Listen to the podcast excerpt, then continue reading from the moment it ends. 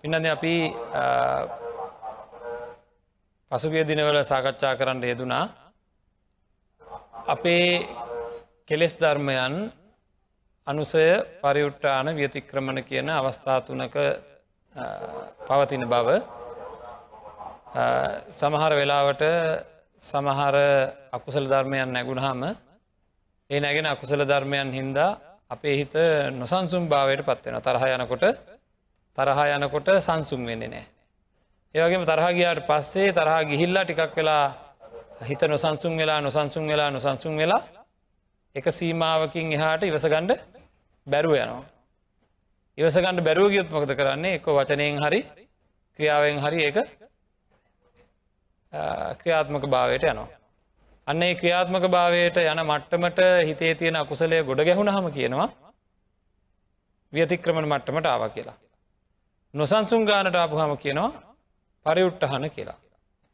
දැ මේ වෙලා තරහයම තිනව දන්න බණ ඇහෙනකොටත් තරහයනවත් දන්න. දැන් තරහ නෑ. දැන් තරහ නෑ දැන් තියෙන්නේ මොන මට්ටමේද අනුසය කියන මට්ටමේ. දැන් අපි ළඟ තරහ නැති වුණාට අපිට තරහ එනවා කොයි වෙලා හරි. තරහ ඇතිවෙන ස්වභාවය තරහ ඇතිවෙන ස්වභාවය තියෙනවා දැන් තරහ නෑ දැන් ඊරිසියාව නෑ දැන් ක්‍රෝධය නෑ දැන් වෛරය නෑ ඒවා නැතිවුණට ඊට අදාල් අරමුණ වෙනකොට තරහ ඇති වෙනවා. ආන්ගේ ඇතිවෙන ස්වභාවය ඇතිවෙන ස්වභාවය දැන් තියෙන හින්දා ස්වභාවය තියෙනවා අන්නේ ස්වභාවය තියෙන හින්ද කියනවා ඒ කෙලෙස් දැන් තියෙන්නේ අනුසය මට්ට මේ කියලා. අනුසේ මට්ට මේ තියෙනවා නම් ඒවා ඒ අනුසේ මට්ට මේ තියෙන ඒවා අදාළ අරමුණු වෙනකොට අදාළ අරමුණු වෙනකොට නොසන්සුම් භාවයට පත්වෙනවා. මේ බලන්න දැන්වන අපි දැන් හොඳරින් අප කිව බණහනකට තරහයන්න නෑ කියලා. මන් ධර්ම දේශනාවට කාගැරි නමක් උදාහරණයට ගන්නවා. බලන්නකොට අරගෙන තියෙන නම මේ අයගේ තරහකාරයගේ නමක් කියලේ තන්ටක තද වර වෛරකාරයගේ නමක් තමයි අරන්තිය. දැන්වයි නම කියනකොට මොකද වෙන්නේ.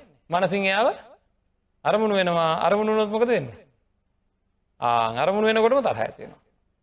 හරි එක දිගට මම යාගේ නම කිය කිය එයාවම වර්ණනා කරන්න පටන් ගත්තොත් මොකක් හරි කාරණාවක්කින්ද එයාගේ නම නම විතරක් නේ පුද්ගලයා මරගෙන හොඳට වර්ණනා කරනවා කිසිවරදක් කරනෑ කියලා. ඉවසල ඉවසල ඉවසල මොකද දැන්ර තරහ වැඩිලද අනුසේ වසයෙන් තිබ එක පරිුට්ටාන වුණා. ඉවසල ඉවසල ඉවසල බැරිමතන නේද? පොඩ්ඩක් ගස්සල වගේ නැගිටලා නද? ධර්ම දේශනාවට බාධාව නිතර කෙනෙක් නැගිටල න්ට එහම වෙන අවස්ථා තියනොද නැද ඒම දර ඉවසගණ්ඩ බෑ අන්න එතකොට ගෙන වියතික්‍රමණ මට්ටමට ආව කියලා. අපි දන්න එක අපි ළඟ සිද්ධ වෙන දෙයක්. ඔන්න වියතික්‍රමණ මට්ටමට ක්‍රියාත්මක භාවයට යනක නවත්ත ගණ්ඩ මොකද කරන්න ඕනේ කියලා අපි ඊය ධර්ම දේශනාවේ යෙද ඇසනත් ඒවගේම අද ධර්ම දේශන ඊට පෙරදා ධර්ම දේශනාවේදිත් සඳහන් කරා. එතකොට දැන් අද අපි සාකච්ඡා කරන්න බලාපොරොත්තු වෙන්නේ මේ පරියුට්ටාන සහ අනුසය කියන දෙක කොහොමද යටපත් කරගන්න කියන එක ඒක දැනගත්තොත් තමයි අපිට කරගන්න පුළුව මොකද දන්න නැතු අපිට මොකද වෙන්න කියලා අපි හරිරම දැනගන්න ඕන. අපි මේ හිටියට ශරීරයට මොකක්ද වෙන්න කියලා අපි දන්නවා. ඒත් පිටිං ඇතුළ පිළිකාවක් එහෙම ඇතිවෙනවා නම් එහෙම මේ ඒක දන්න පිළිකාවක් යනවා කියලා දන්න අන්තිමට ඉතින් කලින් අදුරගත්තොත් විතරක් පිළිකාව මර්ධනය කරගන්න පුළුවන්. බැරිවුණොත් ඉතින් ඉවරයි තමයි. නැහ ඒවනට දැන් අපිරිසිදු වෙනකොට දන්නවා. ඒගේ පොඩි පොඩි දෙවලටික දන්න. තොට අපිට අපිරිසිදු වෙනකොට පිරිසිදු කරගන්න නේද? තොට මේ ලැබිල තියෙන මස්සරීරයේ වෙනසක් වෙනකොටවත් අපි දන්න ඇත්තා නොපෙනෙන හිතක. එද මොනවද වෙන්න කියලා? දන්නෙම නෑ. හුඟක් අයි ඉන්නවා. ක්‍රියාත්මක වෙන පාලනය කළ හැකිව තියෙන හේතු ඇතුව සකස් වෙන මගේ පාලනයකින් තොරව සකස් වෙන හිතක් කියලා ක්‍රියාවලියක් තියෙනවද කියලාවක්වත් සමහරය දන්න ඇතුව ඉපදිලා මැරලයන මෙහෙම එකත් තියෙනවද කියලාවක්වත් දන්න. ඇයිති ඒක වෙනවනේ වෙන දේට අනුව ඔහේ ඉන්න ඇති මන්දන්න මේ වෙලාවෙත් පරික්ෂා කළ බලන්ඩුවන ධර්මය ඇහිනයි. උදේ නැගිටහම් මගේ හිත මට මොනවද ගැන මගේ වා කොර කොරන්නවා. හරි දන්න කණ්ඩ ගෙනලාවට කනවා නාණ්ඩ ගෙනලාවට නානවා බොන්්ඩ කියනලාට බොනවා වැඩට අන්ට කෙනලාට වැඩට යනවා ආට හරි බයින්ඩ කියනලාට බයිනවා ගහන්ඩ කෙනලාට ගහනවා කාහරි බලන්ඩයන්ට කියලා මගේ හිත කියනට බලන්ඩ යනවා. දැන් කේලම කියන්න හොඳ වෙලාවයි කියලා කියනකොට කේලම කියනවා. නේද? සත්තු මරණවා හොරකං කරනවා එව්වත් කරනවා. ඉතින් හිත කියනවනං අන්න අරදය කොරන්ටි කියලා ඒදේ කර කර ඉන්න එක ඒදේ කර කර ජීවත්වන එක දන්න ජීවිතය කියන්න. හිත හැමදේම කියන්නේ මට ඕන හැටියට හැමදේම කරන්නද? එනම් මේක පාලනය කළ හැකි තත්ත්වයක තියෙනවද කියලා බලලා ඒකට මොකර වැඩ පිළිවෙලක් තියෙනවද කියලා බලලා ඒ වැඩ පිළිවෙල ආරම්භ කරන්න ඕන ක්‍රියාත්ම කරගන්න ගණ්ඩෝ නෑ නැත්තන් ලොකු අනතුරක. හොඳයි. හිත මෙල්ල කරන්න ලෑස්ත්වෙන අය දැනගණ්ඩ ඕන කාරණාවත් තියෙනවා. පුංචිකාල ඉපදුනහම අපිට ඇවිදගෙනයන්ට ඕන කියලා හිතුනොත් එහෙම දරුවෙක්ව ඇවිදවන්ට කියලා ඕන කියලා හිතුන හම දරුවට ගෙන අන්න අතෙන්ට අන්ඩ කියලා. දරුවා යන්නේ යන්ඩ යනය පැත්තට. යන්න කොහෙවත් යැවෙන්නේ කොහෙවත්. යන්න කොහෙවත් යවෙනක ඇයි එයාගේ ශරීරය ඇවිදගෙන යන්ට තරම් වර්ධනය වෙලා නෑ මොකක්ද වර්ධනය වෙලා නෑ වර්ධනය වුණාම හරියනවද නැද පුංචි කාල බත් කණ්ඩවත් බෑ. මුණ හැමතනම ගන්න බදදුන්නත් කණ්ඩ වර්ධනය වෙලා නෑ හරියට අවශ්‍ය දෙර කටයුතු කරන්න. ලට පුංචිලම වෙලාකට මොහරි සෙල්ලම් බඩුවත් දැක්කම කෑගහල ඉල්ලනවා. දීරටික් කලනට අල්ල විසි කරන මැනිකක් වුණත් කරන්න යන්න විසි කරදාන්න නේද? ආයටිකකි ආය අරකිල්ලලම කෑගහන ආගේ වගේ දෙනකොට විසි කරන ආපව නැති වෙනකොට කෑගහන ලක්ෂණ ළමයින්ගේ ඒ හැටිය කට්ටික තියෙනවා. අපේ හිතගෙන පොඩ්ඩක් බලන් දැම්මන් කියනවා එක අරමුණක වාසය කරන්නට කියලා. එක අරමුණක ඉන්ඩ කියලා කියනවා. හිත එක අරමුණක තියන්ට කියලා කියනවා. අපිතමකෝ ආනපානේ හිත තියාගෙන ඉට කියෙන මොකූත් හිතන්න ඇතු හුස්ම දැනීමේ හිත තියාගෙන ඉන්ඩ කියලා කියනවා. ඉතින් දැම්මන් ඉදගන්න ඒක කරන්න කියලා හිතාගෙන. මොකද වෙන්න? වෙන්න මොකක්ද පෙරහැරක්කෙනෝ වගේ පරණ මොනවමනො හරි ටික වෙලාවක් යනකට පරණ මොනව මොහරි මතක් යෝ ඉන්න දැති වෙන වෙන්න ලෝක නැස්පියාගෙන අනිත්තන හැතන භාවන කරනවා කිය. ටිකකින් තමයි මතක්වෙන්නේ මම හිතන්ඩ හැදුවේ එකක් හිතුනේ එකක් කියලා. එතකොට දරුවාව යවන්ඩ හැදුවේ එක පැත්තකට යවුනේ වෙන පැත්තකට. නේද.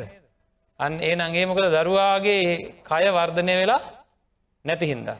මම හිතන්ඩ හැදුව එකක් මට හිතෙන්නේ එකක්. ඒ මොකද? එනම් මගේ හිත කවුරු වගේද? නේද? ලද්තාම කයනං කොහොම හරි දන්න දවසේ ඉදල කිලෝ ගණන් කාලා කාලා කාලා කාලා කාලා. නේද? කොච්චර බත් කාල ඇද මේනකොට යන්තන් හැත්තෑවක් විතර ඉතුරු කරගත්තා. කොහමරි කය ලොකු කරගත්තා. නේද? පුළුවන්තරන් කාලා යන්තන් ටිකක් ඉතුරු කරගත්තා. කය හදාගත්තා. හිත? හිතතාම ලදරුවෙක්ගේවාගේ ඇයි? මොනවහරි ඕනෑ කියලා කිවොත් අඩනවා අපෝ ලැජ්ජහ නේද? ඇඩුව නේදිය පෙරේද? ඇඩුවනං ඉතින් මහා ලැජ්ජාවෙන්ඩ නෑ ඇයි? අඩනවා ඉළඟට ළඟට හම්බුණාව ඕන්නෑ කියලා හිතෙනවා. ආයටිකකින් ආය ඕනෑ කියනවා. නේද? එක අරමුණක තියන්ට බෑ. එහෙනම් පුංචි දරුවෙක් වගේ. මෙන්න මේ හිත වර්ධනය කරගණ්ඩ අපි සීල සමාධි ප්‍රඥා කියන ගුණාංග වඩන්ඩ ඕනෑ. හිත වර්ධනය කරන එකයි බුදුරජාන් වහන්සේගේ ධර්මය තියෙන්නේ. අපි ඒ කරගෙන වෙන වෙන දේවල් වගේ කරන්න පුද පූජා විතරත්තිය තියන්නවා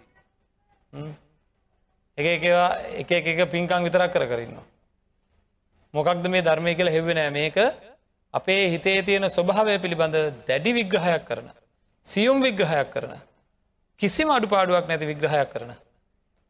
හිතේ ඇතිවෙන සිතුවර තරන්න ඒවා නැති කිරීම පිළිබඳ. නැති කරන ක්‍රමය පිළිබඳ. ඉතාම විශාල ආය තවත් තර්කයට අහුවෙන්නේ නැති විග්‍රහයක් සිද්ධ කරන මහා වටින ධර්මයක්ත්තම අපිට හම්බෙලතින්. අපි යෝක තියාගෙනින් ඇතිම. උරුම වෙච්ච දායාද. එහෙම නැතුව අන්නර දැන් එකයි මංකිවේ අපිට තේරුණා නේද මං ඉස්සල කියද්දි සමහරලාට කෙලෙස් නිදිගත් ස්වභාවයෙන්. එක නෑ වගේ. ඇතරම නෑ තමයි. නමුත් ඇතිවෙන ස්වභාවය තිරනකිව අනුසය කියලා. ඒක අදා අරමුණුවාපහම ඇවිස්සුන් හම කුණුකොට ඇවිස්සෙනවගේ ඇවිස්සෙනවා අප හිත. එතකොට කියනවා පරියුට්ටාන කියලා. ඉට පස්සේ ඒක ක්‍රියාත්මක භාවයට යනවා. ඇතකොට කියනවා වියතික්‍රමණ කියලා. හොඳයි. ඒක පැහැදිලි නේද? මෙන්න මේ හිත ඇවිස්සෙන ගති ඇවිස්සෙනකොට ඉන්ඩ පුළුවන්ද? නද? ටික ටික ටිකට ඉන්ඩ අමාරුවෙනවා නේ තරහ ගිය මොකද කරන්න? ඉඳගෙන හිටියෝ නැගටිනවා. නැගටල තවත් තරහ වැඩින මොකද කරන්න? එහට මෙහාට ඇවිදිනවා. ඒ තවත් තරහ වැඩියනකට මොකද කරන්න? නේද? ඉතිං කෑ ගහන්ට පටන් ගන්නවා මූුණ පුපුරු ගහන්ට පටන් ගන්නවා. ඉතින් හරි දෙවල් අත්මිටිමලෝ කරගන්න දත්ම පූට් වෙනවා. මොකද කොරන්නති වෙනවානේ. අන්න හරි. සිද්ධ වෙනවා. ඒ වෙලාවට ටික ටික ටික ටික සිහියම නැතු යනවා. සිහිය නෑ මොනවා කියනවද මොනවා හිතනවද දන්නේ නෑ. නේද? ඒ විදියට ඇතරම් පාපයන් සිද්ධ වෙනවා. මේක හරීම කේද ජනක සිද්ධියක් එකතකින් තරහ විතරන්නේ ම හැම එක ගැනම කියන්නේ. තේරුම් කරන්න පහසුවින්ද හෙම කියන්නේ? පින්නත්න අපි මෙහෙම ඉන්නකොට මදුරුවෝ ඉවරක් නැතු අපි වට කරගත්තු කරදරයි. අයිටත් වැඩිය සැර සත්තු කොටන්ඩ ගත කාක්කෝ වගේ සත්තු ඇවිල් එකදිකට කොටන්ඩ ආරන්ඩ ඔය වගේ පටන්ගත්තු තෙම එලෝනවා ඉවරක් නෑ. නේද? ඒගැන බාහිරින් තියෙන කරදරහින්ද ජීවත්වෙන් ඩමාරුයි සුවසේ. එහෙම ඒව තියෙනවන බාහිර කරදර වැඩි. බාහිර කරදරෙන් දරි දෙනවා අපි දන්න ඇතිවුණට පොඩ්ඩක් හිතල බල බාහිර කරදරවලින් රිදිනවද නැද්ද කියලා? වැඩියෙන්ම තරහයන්නේ තමන්ගේ වැඩවලට අනුන්ගේ වැඩවලට පාර යනකොට කවුරරි අපි යන වාහනය පැත්තට වාහනයක් නීති විරෝධී විදියට අරගෙන වේගෙන් ගියායන්ට බාධා කරලා. පොඩ්ඩෙන් ඉවරයි. එයා ගිය. මං මේක වීදුරුත්ව හලා කාටවත් ඇහෙන්නෙත් නෑ. තනියම මොකද වෙන්න? තනියම් පුපුරනවා මේන්. තනියම පුපුරනවා බයිනවා පරසවචන කියනවා. ඇහෙනවද කාටවක්ව ඒ ගිය කටිට ඇහෙනවද? එයා හැදෙනවද? මොකක්වත් නෑ මෙන්න මේ තනියම් මොකද වෙලා තින් තනියම රත් වෙලා තනියම් පිච්චිලා හරියට කාකෙක් ඇවිල්ලා ශරීරයට කොටලා ගියා වගේ අරමනුසය කරේ හිතට කොටලා ගියා. ඉතින් මං ඉතින් සෑහෙන වෙලාවක් කෙන මේ කාය අපේ හිත ගැන පෝඩ්ඩක් ඔන්න ඔය ක්‍රමයට නිකන් කල්පනා කළ බල පාරය ඇවිදගෙනට මොකද වෙන්න කියලා. වටෙන් පිටෙන් කොටනවා ඉඩ දෙන්න රාගයෙන් කොටනවා ඊරිසියාවෙන් කොටනවා වෛරයෙන් කොටනවා නේද? තරහ ඇති වෙනවා ගිජුකං කෑදරකං ඇති වෙනවා. අයියෝ පාරයන්ට නෑ අපිට. සත්ව ඇවිල්ල කොටනවා වගේ බාහිර අරමුණු හින්දා අපිට හරි කරදරයන්ට බෑ. කොච්චර දුකද්ද බාන්ටක විඳින් නේද? ආන්ගේ මොකද? අනුසය කියන තත්ත්වය තියෙන හින්දා. නේද? අනුසය කියන තත්වය තියෙන හිද කොටනවා නෙවෙයි බාහිර අරමුණ හිද මේ අපේ හිත කෙටෙනවා. හිතර කෙටෙනවා. ඉතින් හරි අමාරුව කෙටෙන කෙටෙන හැටියට අපිතින් ඒ හදන්ට ලෑස්වෙන්ට ඕන. මොනහරි බලන්ට කියලා කෙටුවොත් එම දුවන්ඩෝන බලන්න. නේද? කාට හරි තරහ තරහයන වැඩක් වුණොත් බැ බයින්ඩෝන බයිනකම් බෑ. බැන්නට පස හරියනවා. ඒ තනියම හරි බයින්න. නේද? මේ වගේ දුක්කිත සහිතව ජීවත්වෙන අපිට මෙන්න මේ කෙස් ධර්මයන් ආපුහාම මේක ඔය විදිහට හිත නොසන්සුන් වෙවී නොසන්සුන් වෙවී නොසන්සුන් වෙවී එන එක නවත්වා ගැනීම සඳහා බුදුරජාණන් වහන්සේ අපිට ලබා දෙන ක්‍රමවේදය තමයි සමාධිය කියලකයන්. පරියුට්ටාන තත්වට එන කෙස් ධර්මයන් ක්‍රියාත්මක භාවයට යන වියතික්‍රමණ මට්ටමට යන්න දෙන්නේ නැතුව. හරියට වීරයේ ඉදිරිපත් වෙලා යම් කිසි අනතුර අපිතු අපි ගඟ පීනගෙන යන්ට ගහම ගඟ පැතර ගහගෙන යන්න යනවා කියලා. සැඩ පහර පැත්තර ගහගෙන යන්න ගියා. දැන් පැතර ගහගෙන යන්න යනකොට එක පාරටම කවුහර වීර පුරුෂය ඉක්මට ගඟට පැනලා අතින් අල්ලලා ඇදලා බේරගන්නවා වාගේ. හරිද? අන්නේ වගේ අපි යම් කිසි සමාධයක් වර්ධනය කරගත්තොත් අපේ ජීවිතේ චිත්ත ඒකාග්‍රතාවයක් වර්ධනය කරගත්තොත් ඒ වර්ධනය කරගත්ත චිත්ත ඒකාග්‍රතාවය නොඒකුත් කෙස් ධර්ම උපදින කල්හි මොකද වෙන්නේ. ඉදිරිපත් වෙලා අපේ හිතෙම්ම අන්නර කෙලෙස් වලට ක්‍රියාත්මක භාවයට ගිල්ලා අසිහියෙන් දඟලන්ට ඉඩ තියන්නේ නෑ ඒක හේතු වෙලා ප්‍රත්‍ය වෙලා ඉදිරිපත් වෙලා අපේ හිතෙන් නැගිලා එනවා. මේක හොඳට තේරුම් ගණ්ඩෝ නෑ මේක වර්ධනය කරගෙන තියා ගණ්ඩුවන කියන්නේ එකයි. අපි හිතම් මෙහෙම දැන් මම හොඳට සමාධයක් වර්ධනය කරගෙන ඉන්න ඉන්න. විදර්ශනානේ අපි ඊළඟ ධර්ම දේශනාද විදර්ශනා තින වටනාකම ගැන සාකච්ඡා කරමුකෝ දැන් අද සමාධියෙන් මොකද කරන කියල කතා කරගමුකෝ හොඳට චිත්ත ඒකාගෘතාවයක් වර්ධනය කරගෙන ඉන්න කෙනෙක් කියලා හිතන්නක. එහෙම ඉන්න ඉන්න කෙනෙකුට තරහ යන්නෙම නැද්ද. නෑන තරහයන. දැන් හොන්ද ඇති විදර්ශනාවක් වෙල්ල නෑන දැන්ති හැබැයි ප්‍රශ්න තියෙන වටිනාකම් මේකයි. දැන් තරහ ගිහිල්ල මොකද කරන්න පුටුවටලා ඉඳගෙන එනවාකොක් කියලා දැන් අපිතුම ආයුධයක් හරි තියාගෙන ඉන්නවාද. හරිද. මේ අධික තරහ ඇවිල්ලා නොසන්සුන් වෙලා ක්‍රියාත්මක භාවයට යන්ඩ පෙරාතුව මොකද වෙන්නේ සිසිල් දියදහරකින් අර ගින්දර නිවල දානවා වගේ. ඇස් දෙක පියවෙච්ච සැනින් අර තමන්ට ඇතිවෙච්ච සමාධිය හිතෙන්ම නැගිලනවා. හිතෙන්ම නැගිලලා ඇවිල මොකද කරන්නේ අර නොසන්සුන් වෙන හිත තරහ තියෙනවා නොසංවෙන් සුන් වෙච්ච හිත සංසුන් කරනවා. ආගේ සංසුන් කරනකොට තමන්ට මොකද වෙන්නේ අර ක්‍රියාත්මක භාවයට යන්නේ නැති වෙනවා. අදකල බලන්න ඕන එහෙම බෙහෙතත් තියෙනවා. හරි අපි කිමගේ හරිට වේදනානාසකයක් වගේ. වේදනානාසකයෙන් අසනීපය හොඳ වෙනවාද. වේදනානාසකය තියෙන්නේ දුක්විදින අඩු කරගන්නඩ මිසක්කා අපි වේදනානාසක අරගෙන තමයි හුඟක් වෙලාට දොස්තරලාඟට යන්නේ නේද. සමාධිය කියන්න අන්නේ වගේ වේදනා නාසකයක් මොකද මෙයාට අධික වේදනා විඳින්ට නො නැත්තං ඒ වගේ මේ එක ඒක දේවල්. දැන් යම් කිසි කෙස්තරමයක් ස්මතු වෙලා යා කාමය වර්දවා හැසිරීමකට අවශ්‍ය පරිසරයකට වැටිල හදිසියම. අසරණකම තියාගෙන තමන්ට පාලනය කරගන්නඩ බැරුව වැරදකට යෙදෙන්ඩ තමන්ගේ හිත නැබුරු වීගෙන යන වෙලාවේ ඇස්තක පියාගත්ත සැනින් අන්න අර වර්ධනය කරපු සමාධිය. එකසන එක සමාධිය ඉදිරිපත් වෙලා ඒ සමාධිය හින්දා අර නොසන්සුම් භාවයට පත්වෙන්නේ නෑ. කෙනෙකුට හිත ආනාපාන ආනපාන සති සමාධිය වර්ධනය කරපු හින්දා මේ කොහොම ඒවෙලාට කොහෙද ඒ වගේ තරහගියලට ආනාපාන සති වැඩෙන එක භාවනාවදන කියලා. අන්න එක තම වැරැද්ද. භාවනා කරද ආනාපාන සතිය පුරුදු කරප එක ඇත්තයි. නමුත් ඒ ආනාපාන සතිය හෝ නැත්තම් මෛත්‍රිය හෝ වෙනත් අසුභය හෝ මොකක් හරි එකකින් සමාධයක් පුරුදු කරේ. සමාධයක් පුරුදු කලා ගැන චිත්ත ඒකාග්‍ර භාවයකට හිත පත් කරා හිත වර්ධනය කළා.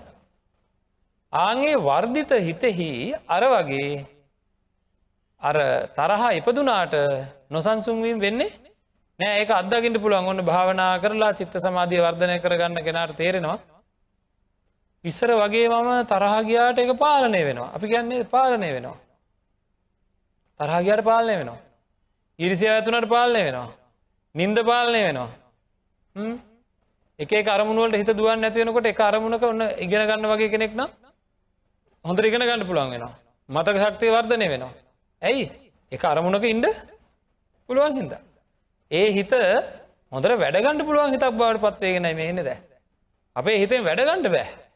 ඇයි වැඩගණ්ඩ අල්ලගණඩ බෑ දාගලන නලියන හිතකින් වැඩක් ගණ්ඩ බෑ. වැඩක් ගණ්ඩ බැරි හිත ක්‍රමාණුකූලුව ඇයි අපි කිවේ පුංචි ළමයට? එක එක පැත්තකට ඇවිදගෙන යන්ට බෑ. යන්න කොහත් යවන්න කොහත් යාගේ වැඩගන්න පුලන් එයට ගැන් පුලද පුතේම පොල්ටි කාලදෙන්ට මොකවත් බෑ. ඇයි? තාම ශරීරය වර්ධනය වෙලා නෑ එනම් හිත වර්ධනය නොකරපු හින්දා එකින් වැඩක් ගණ්ඩ වැඩක් ගණ්ඩ බැරුවයි අපි ලත වෙන්නේ. විසීරෙන හිත හැම අරගුණෝක විසිරෙනවා. විසිරෙනටකින් වැඩක් ගණ්ඩ බෑ අපි දන්න නෑ මේක. එකින්ද මේක හරීම වටින කාරණාව. නිකම් පා හුඟාකාය කියන නද හුඟාකාය කියනවා නේද වැරද්දක් වෙලා අපරාධ මගේ කරේ කියලා. අපරාධ මම මේ වචනකිවේ අපරාධ මම මේ වැඩේ කරේ මට නොකර ඉන්ඩයි තිබ්බේ කියලා කිව්වේ නැතත් දැනවාද නැද හොක් කලාවට. එතකොට වෙන්ඩෝන දේ වෙලා ඉවරයි වෙන්ඩෝන දේ වෙලා ඉවර එනන්ත අපි දන්න දේවක්වත් හොඳ නරක අපිට ඔලුවට එන්න නෑ වැරද්ද කරන්න අවශ්‍ය කරන පරිසරය සකස්සන වෙලාවට. ඉතින් ඒක හින්දා චිත්ත සමාධිය කියන එක ඔය කියන හැටියට තේරෙන්ඩෝ නෑ මේ මේකට වයසසීමාව කිය දන්න චිත්ත සමාධය වර්ධනය කරන්න පටන් ගණ්ඩුවන වයසීමාව හැට පහක් ආන හැත්තවා ඒ වගේ වෙනකම් හොඳ නෑ. එහෙමද? නේද? මේක ශරීරයේ ලෙඩ හැදුනහම බෙහෙත් දෙන්නේ හැට පහෙන් හැත්තයෙන් පස්සේද? නෑ ඊටත් ශරීරයේ නියමාකාරයට වර්ධනය කරගන්න නම් පුංචි කාලෙම ඒ ශරීරය පිළිබඳ නද කළ යුත්ත කරන්න ඕනද නැද්ද? එතකොට තමයි හොඳට වර්ධනය කරගන්න පුළුවන් වෙන්නේ. ඒ වගේ මේ හිත පොඩිකාලය ඉඳලම සමාධියකට හුරුකරොත් දරුවෙක්ගේ අද කාලෙ තියෙන ව්‍යසනකාරී තත්ත්වය අද කාලීනව තියෙන ව්‍යසනකාරී තත්ත්වයක්ත් එක්ක අපිට ළමයෙක් ළමයකුට තමන්ගේම තුළින් ඇතිවෙන පාලනයක් හුරු කිරීමෙන් තොරව ළමයාව ලේසියකට හොඳ දරුවෙක් කරන්න අමාරුයි. නේද. එහෙනම් තමන්ගේ ඇතුළෙන් එන්න පාලනයක් පුරුදු කරන්න දරුවෙකුට ඇත්තටම අපිට අම්ම කෙනෙක් තාතා කෙනෙක් දරුවෙකුට චිත්ත සමාධයක් වර්ධනය කරගන්නඩ භාවනාවක් පුරුදු කරනවන සමත භාවනාව. දරුවන් යවන්නේ දැන්ව සාරීරික පුහුණුවලට නේද ක්‍රීඩාවලට යවන්නේ. හරියට වෙලාවට නියමිත කලාවට මාත්‍රාවට නේද ඒ මොකද ඒ යවන්නේ ඇයි. ඔහොම එක තැන ඉන්ඩ පාලමය එක්සයිස් කරන්න ඕන නේද කියලා ක්‍රීඩා කරන්න කියලා උදේම යවන පාසල් යන්නම උදේම යන ප්‍රක්ටිස් කරන්න යනවා කියලා. නේද. ඒ ඒ ශරීරය පුරුදු කරන්න යැවේ. ඒ වගේ අපේ බෞද්ධයන්ට සංකල්පයක් එන්ඩ ඕනෑ. මෙයාව මේ මානසික පුහුණුවට යවන්න ඕනෑ. මානසික පුහුණුවට යවන්න ඕනෑ. ඒක පටන් ගණ්ඩෝන කාලෙ දැන් හරියට හරි විදිහ නම් කයද වැඩියෙන් වැදගත්වෙන්නේ යමක් කරන්න සිතද වැඩියෙන් වැදගත්වෙන්නේ. කෝ සිතයි වැඩියෙන් වැදගත්වෙන්නේ. හැමදේටම පූර්වාංගම් වෙන්නේ අපේ මනසිකාරය. දර වැඩියෙන් වැදගත්වෙන එක හදනවද. ළමයින්ගේ. වැඩියෙන් වැදගත්වෙන එක හදනවද. ඒ අඩුයි බොහොම අඩුයි. එනම් අපි ධර්මය තුළ ධර්මය තුළින් අපේ පැත්ත දිහා බලනවා අඩුයි අපිට මේ පේන මස්සරීරය පේනවා මිසක්කා හිතේ ස්වභාව පේනෑ. කොච්චර අසනද බලන් හිතක් එක පැතිවලට හැරෙනකොට මනුස්සේ කොච්චර අසරන වෙනවාද නද. එතකොට දරුව කොච්චර අසරනද බල කොච්චර දේවල් මේ සමාජය තියෙන දේවල් අරගෙන බලනකොට කොච්චරනම් තේරෙනවද අපි ඒ වැරද්දක් සිද්ධ වෙන දරුවන්ට හරිට බයිනවා. පුංචි පුංචි ළමයි හරියට එක වැරදිවලට පෙළමිලා මේ කාලේ. එතකොට ඒ ළමයින්ට හරියට එක එක කියනවා නද කාල ඇඳලා ඉන්ඩ බෑ කියනවා එක එකවා කියනවා බයිනවා. නමුත් ඒ ඒ දරුවන්ට ඒ දරුවන්ගේ හිත පාලනය කරගන්න ක්‍රමවේදයක් නැතිහින්දා. දෙමවපියන්ගේ හරි ආබාසය නැතිහින්දා එයාලා ඉදිරියට ගිය නෑනේ යාල විනාසේලා ගියා. ඒතරත් නේ අද තියෙන තරඟකාරී තත්ත්වය. ඉතා තරංකාරී තත්ත්වයෙන් තමන්ගේ දරුවා ඉහළ තැනකට දාගන්ට කාටහරි ඔන්න. එයාගේ සිහිය වර්ධනය වෙන්ඩ ඕනද නැද්ද. අධිෂ්ඨාන ශක්තිය වර්ධනය වෙන්ඩ ඕනද නැද්ද. වීරය වර්ධනය වෙන්ඩ ඕනද නැද්ද. නැ ඒකාග්‍රතාවේ වර්ධනය වෙන්ඩ ඕන එක අරමුණක යාට ඉන්ඩ පුළුවන්කම තියෙනවු විධ අරමුණු වටේ පිටේ තියෙද්දී එක අරමුණක ඉන්ඩ පුළුවන්කම තියෙන්ඩ ඕනෑ. ආංඒක වර්ධනය වෙන්ඩ ඕනද නැද්ද. ඒකන්නේ චිත්ත ශක්තිය වර්ධනය වෙන්ඩ ඕනද නැද්ද. එන ඒක ඒක පුරුදු පුහුණු කරන්න ඕනද නැද්ද. එනම් ළමයිංග භාවනාවකට නතු කරන්න ඕනද නැද්ද. සමත භාවනාව කියන්නේ කිසියම්ම කිසි දවස්සක මේ විදර්ශනා භාවනාව ඉතාම වටිනවා. නමුත් අපි කවුරුහර කිරන නම් විදර්ශනා කරලා ලෝක කලකිරු නොත් අප අපේ මට ළමයත් නැතිවෙනවා කියලාට ලව් දන්නවා නතින් අපේ අම්මලක තාත්තර කතා. රාගාදී කෙස් ධර්ම නැතිවෙන්ඩ සකදාගාම අනාගාමි තත්වයට පත්වෙන්ට ඕන. එතකන් තියෙන්නේ පාලනයක්. එතකන් තියෙන්නේ දැඩි ගැනීම නැතිවීම එතවට කියනවා ළමයින්ට භාවනාව හොඳ නෑ විවාහ ජීවිතයම අසාර්ථක වෙනවාය කියලා. සෝවානුනත් විවාහ ජීවිතයක් ගත කරන ඉතාම සාර්ථක පුද්ගලයා ලෝකයේ සෝවාන් පුද්ගලයා. ගිහි ජීවිතයක් ගත කරන ඉතාම සාර්ථක කෙන. ධර්මයට නැවරු කරන්න බයවෙන්ඩ ඔන්න මොකක්දේ විකාර වැඩේ? ඉතින් ධර්මයට නැබුරු කරවන්න ඕනෑ හොඳයි එහෙම බෑ කියලා දැනට හිතෙනවනං සමත භාවනාවක් වර්ධනය කිරීම නං තාමත්ම ප්‍රබල පුහුණුවක් ලෞකික ජීවිතය දියුණු කරවන්න. ඇයි එහෙම කියන්නේ? අරමුණු ගත කරගෙන සමහර දරන්න පොද්ධහ බලාගෙන පාඩන් කරන අම්මලාට කියන විභාගිටවෙනකොට මොකවත්ම මතක හිටින්නේ මට එක දස කැවලගෙන එකන ගිහිල මේ බෙහෙත් වගේයක් ගන්නඩ වෙද මහතෙක් හොයාගෙන කියලා බෙහෙත් වගේයක් දෙන ළමයට ගෙනල්ල දවස ගන්න මොකද මේ? මෙයට මත කිට නැත් ලෙඩක් ඇති හාමුදුරන විභාගිටවට මතක නැතිවයන මොකද මේ විභාගිටවට මතක නැතිවන්නේ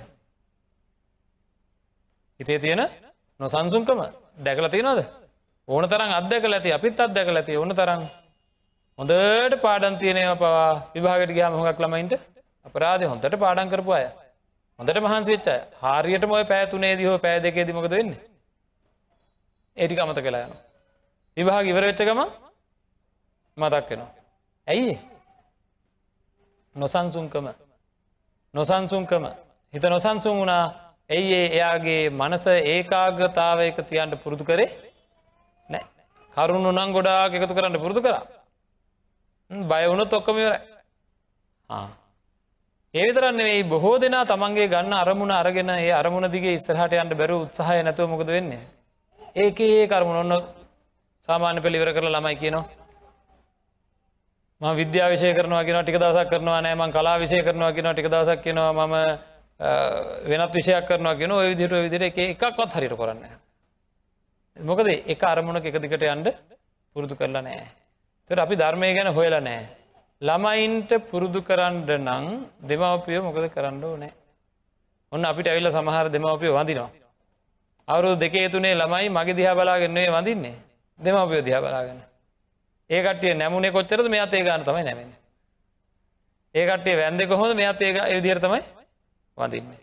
එනම් නිවසේදී දෙමවපියෝ භාවනාවක දෙනවා දැක්කොත් දරුවොත් මොකද කරන්න?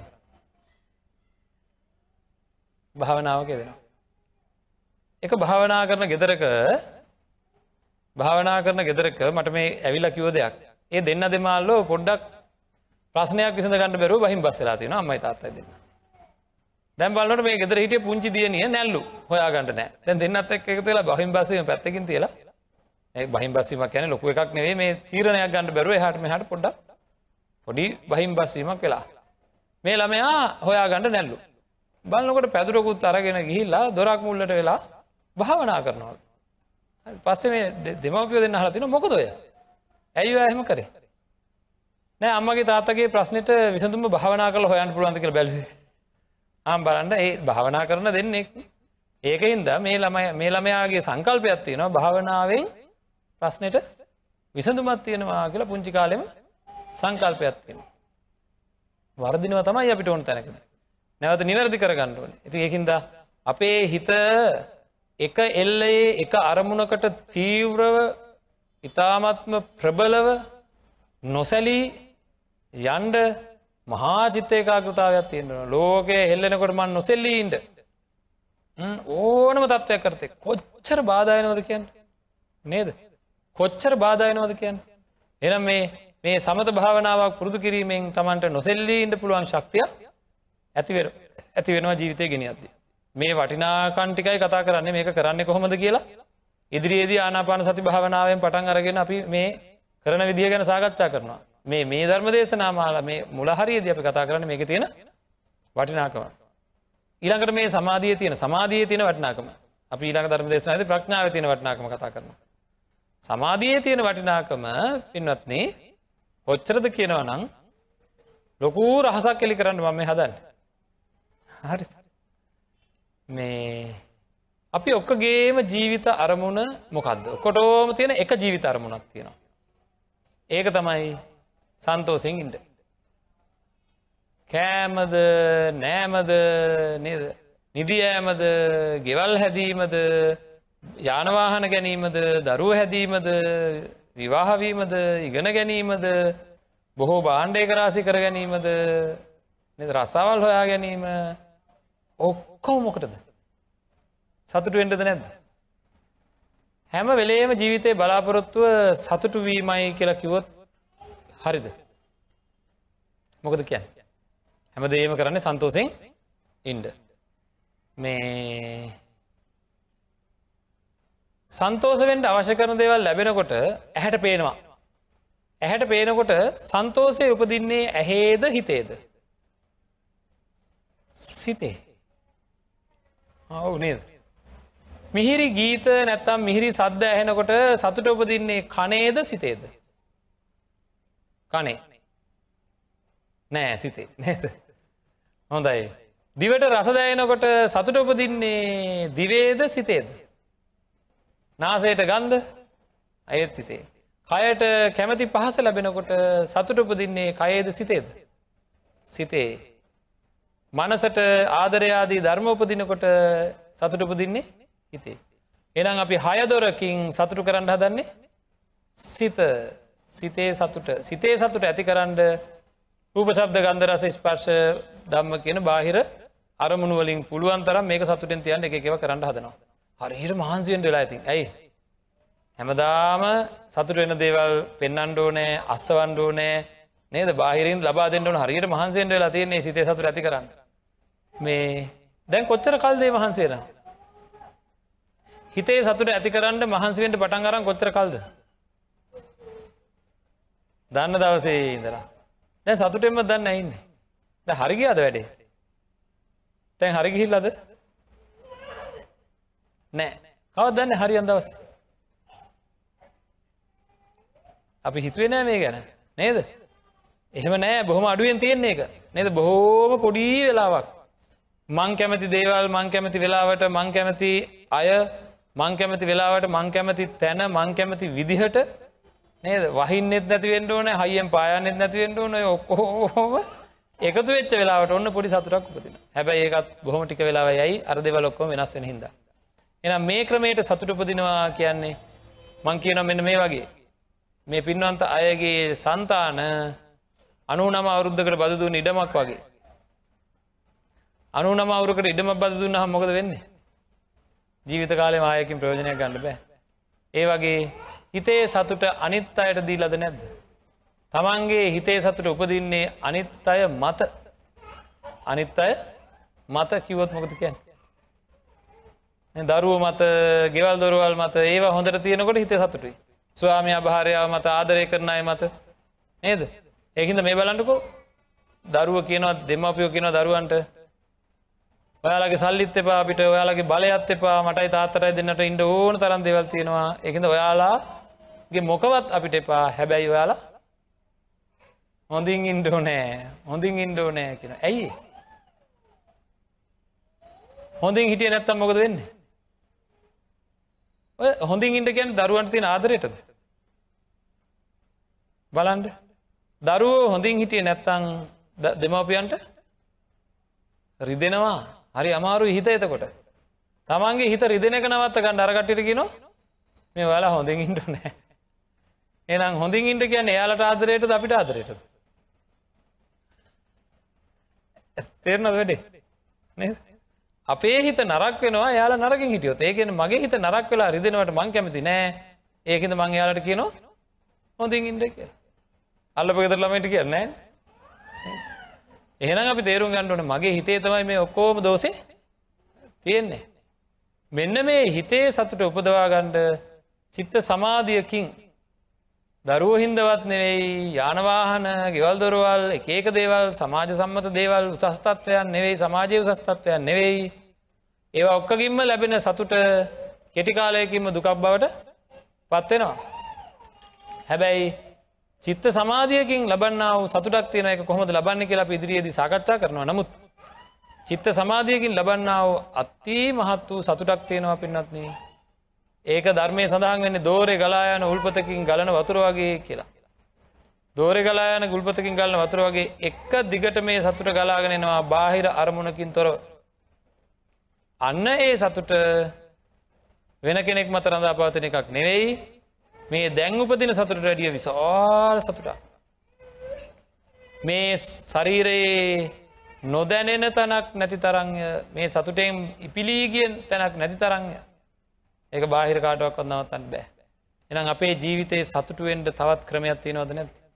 ඇහෙන් රූප බලා කනෙන් සබ්දසා නාසයෙන් ගන්ධ දිවෙන් රස ශරීරයෙන් පහස කියනේවා විතරක් නෙවෙයි තවත් ක්‍රමයක් තියෙනවද නැද. ධර්මය මොනතරම් වටන දෙයක්ද කියලා කල්පනා කරන්න ඕන වෙන අය වෙන අය මත ප්‍රධා පැතිල තියෙන හිත ගලෝ ගණ්ඩෝනෑ ගලෝගෙන තමන්ගේ සතුර තමන් උපදවාගණ්ඩ වැඩ පිළිවෙල හදාගණ්ඩ නෑ නැත්තන් කවදාක්වත් ස්තීර සතුරකින්න ජීවත්තෙන්ට හම්බෙන්නේ ස්තීර සතුරකින් ජීවත්තෙන්ට හම්බෙන්නේ නෑ ති මේවා පිළිබඳව හොඳින් කල්පනා කරන්න ඕන.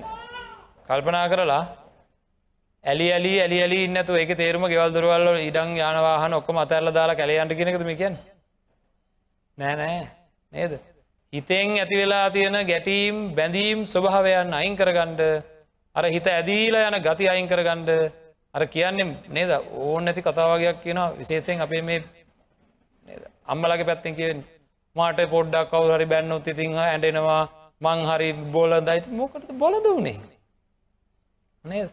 එක වචනයක් හම ඇන්ඩෙනවා මේකද වීර ගතිය? මේකද මේක මහමොකක්දේ බුදු කෙනෙක් ලෝක පහල වෙච්ච කාලෙක චිත්ත සමාධියකින් අති ප්‍රබල හිතක් වර්ධනය කරගන්න පුළුවන් කාලෙක් කියන යන්තම කවර හරික මට ඇඩෙනවල ඔය කතාව කියන්න එපා.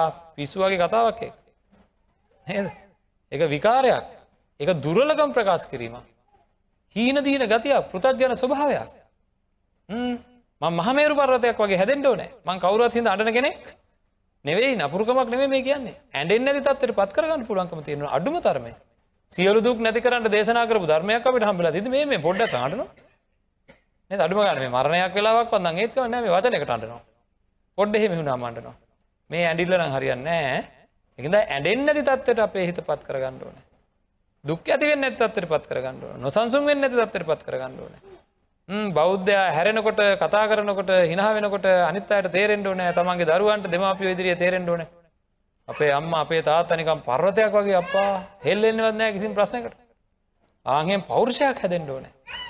වයසටයන්ට වයසටයන්ට ලොකු පෞරුෂයක් හැදෙන්ඩ ඕන තමන්තුර ආං ඒවට ධර්මය භාවිතා කරන්න ඕනෑ පින්නත් ධර්මය භාවිතා කරේ නැත්තං තමන් දුර්වල බොලඳ නද? හීන හරීම හැමතැන්ටම යට වෙලා ඉන්න කිසිම තීරණයක් ගණඩ බැරි දුර්වල ජීවිතයක් බවට පත්වන වයසට යන්ඩයන්ට. එක් හින්ද චිත සමාධිය තින වටනාකම තවදුරටත් අපිට ඉදිරියේදී දැනගන්නට පුළුවන්කම තියෙන කරගන්න විදිහ අපි ආනාපාන සතියෙන් පටන් අරගෙන භාවනා මාර්ගය සාකච්ඡා කර